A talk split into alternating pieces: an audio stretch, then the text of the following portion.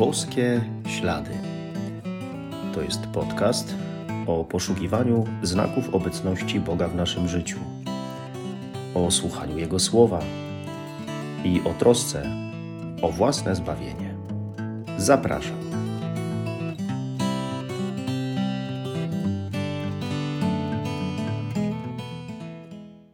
Witam serdecznie. Szczęść Boże.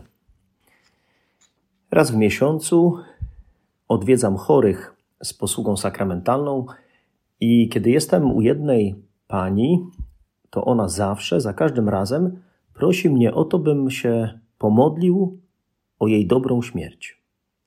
Każdorazowo, miesiąc w miesiąc mnie o to prosi. I to mnie zastanowiło, bo można pomyśleć, że ona boi się śmierci albo tego, że może cierpieć przed śmiercią, ale nie. Ona prosi o to, żeby była gotowa na przejście z tego świata do wieczności, do pełnego życia z Bogiem, z którym już dziś żyje w zażyłej relacji. To trochę jak transakcja wiązana. Dziś ona w sposób sakramentalny zaprasza Jezusa do siebie, do swojego życia, a w momencie śmierci to Jezus przyjdzie i weźmie ją do siebie. Rozpoczynamy Adwent. Czas oczekiwania na przyjście Pana. Oczekiwania radosnego, pełnego nadziei, tęsknoty, ale to także czas przychodzenia Boga. Bo choć Pan Jezus już przyszedł na ziemię i przyjdzie powtórnie, nastąpi tak zwana paruzja y, i na to czekamy, to przecież teraz także przychodzi.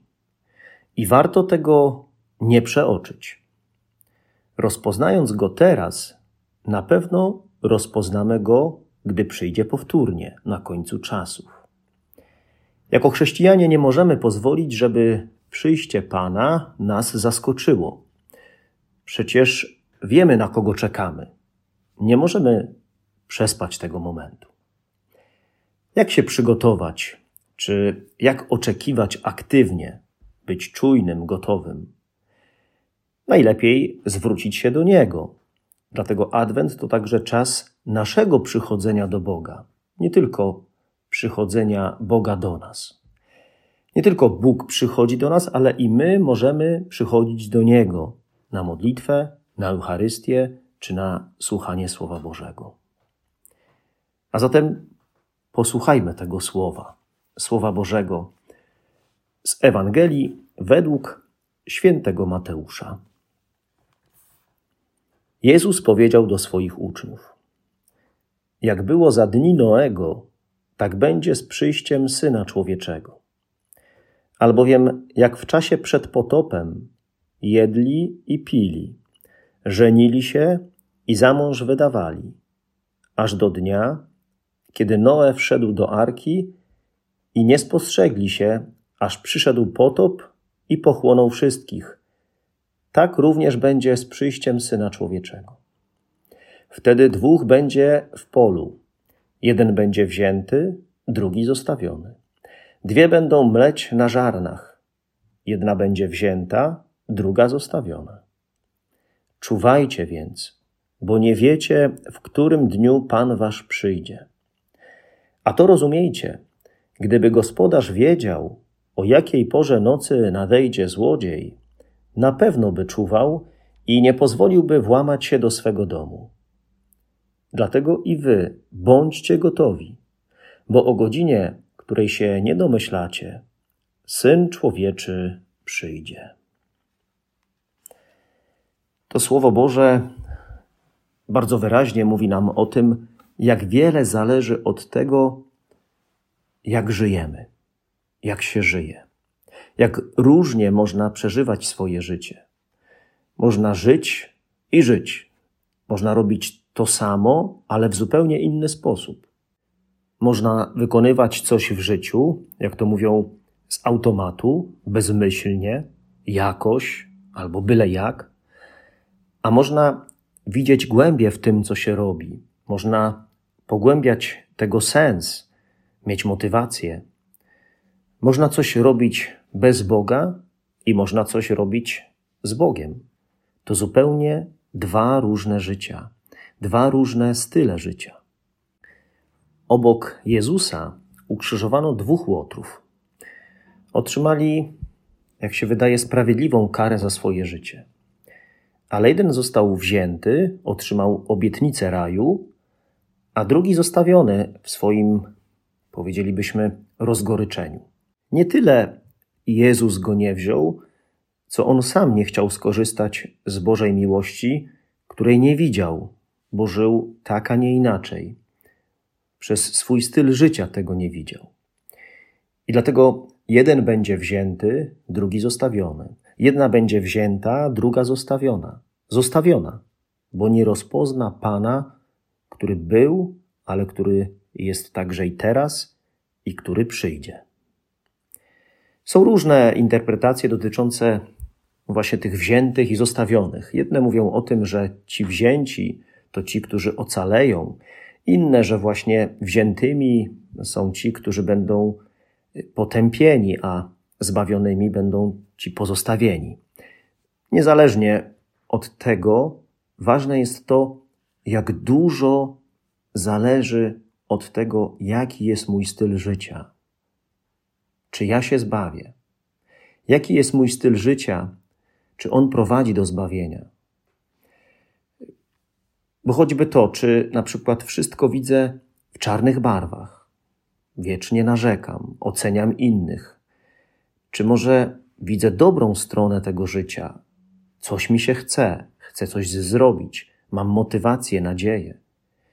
Już nie mówiąc o tym, żeby Boga zaprosić do swojej codzienności. Co zatem robić? Jak przeżywać y, swoje życie? Krótko odpowiadając, można by było powiedzieć tak. Chodzi o to, żeby zrobić użytek ze swojej wiary. Nawet jeśli opowieść o biblijnym potopie była jedynie zabiegiem literackim, a nie faktem historycznym, to z pewnością niesie ze sobą wspaniałą podpowiedź.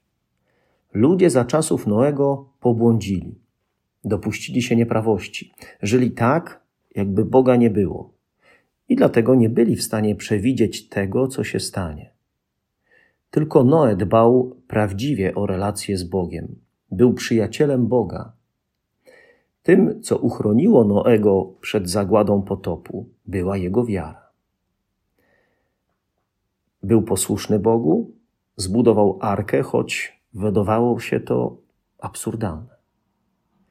Na początku chodzi właśnie o wiarę, dzięki której mamy relację z Bogiem. A dalej o to, żeby z tej wiary zrobić użytek, taki by ona przekładała się na życie, na styl życia, na codzienne wybory, na głębie czy sens tego, co się w codzienności robi. I żeby właśnie być w gronie tych, którzy będą przez Boga wzięci, zbawieni, a może nie zostawieni, potrzeba nauczyć się przeżywać swoje życie z Bogiem, każdą Jego chwilę, radości i smutki, sukcesy i porażki, a szczególnie różne kłopoty, może problemy, jakieś trudne doświadczenia. Bo od tego mamy Boga. On chce z nami żyć każdego dnia. Chce, żebyśmy z Nim to, co przeżywamy, dzielili.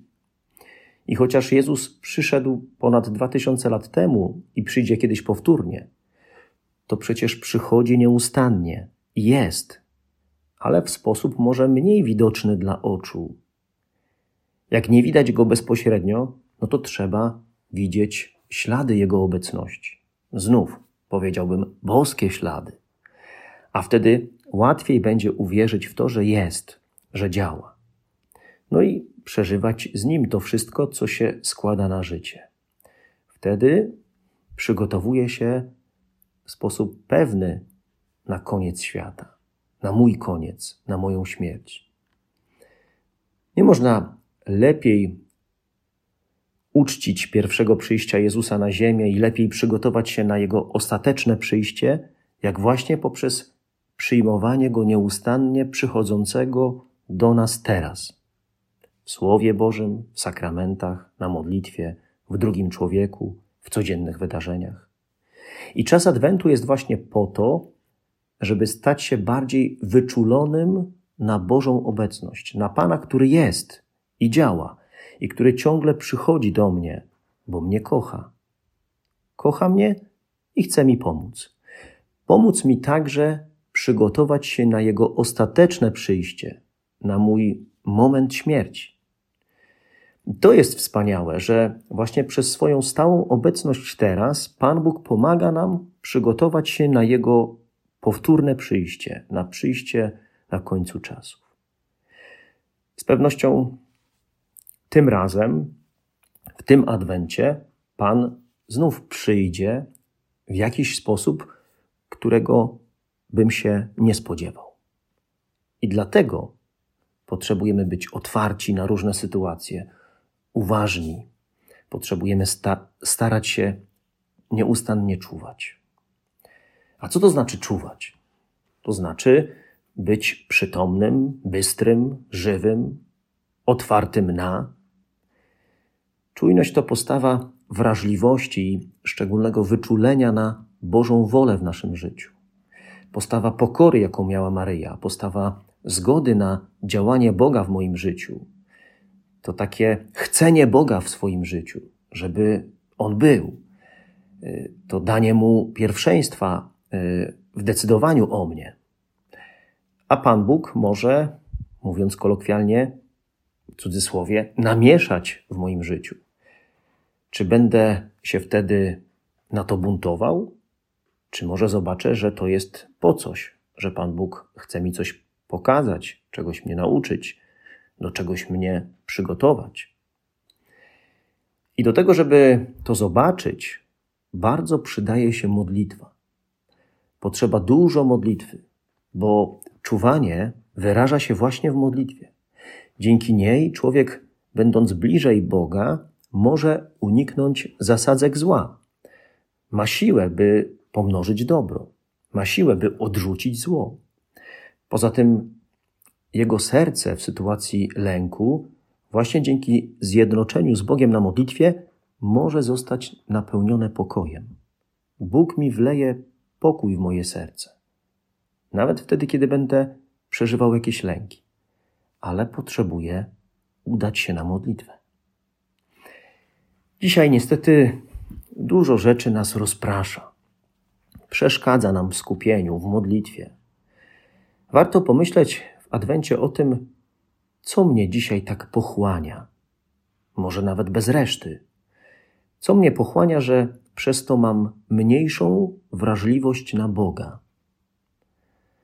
A to właśnie ta wrażliwość na Boga może mi pomóc pamiętać, że celem życia nie jest ziemia, ale niebo.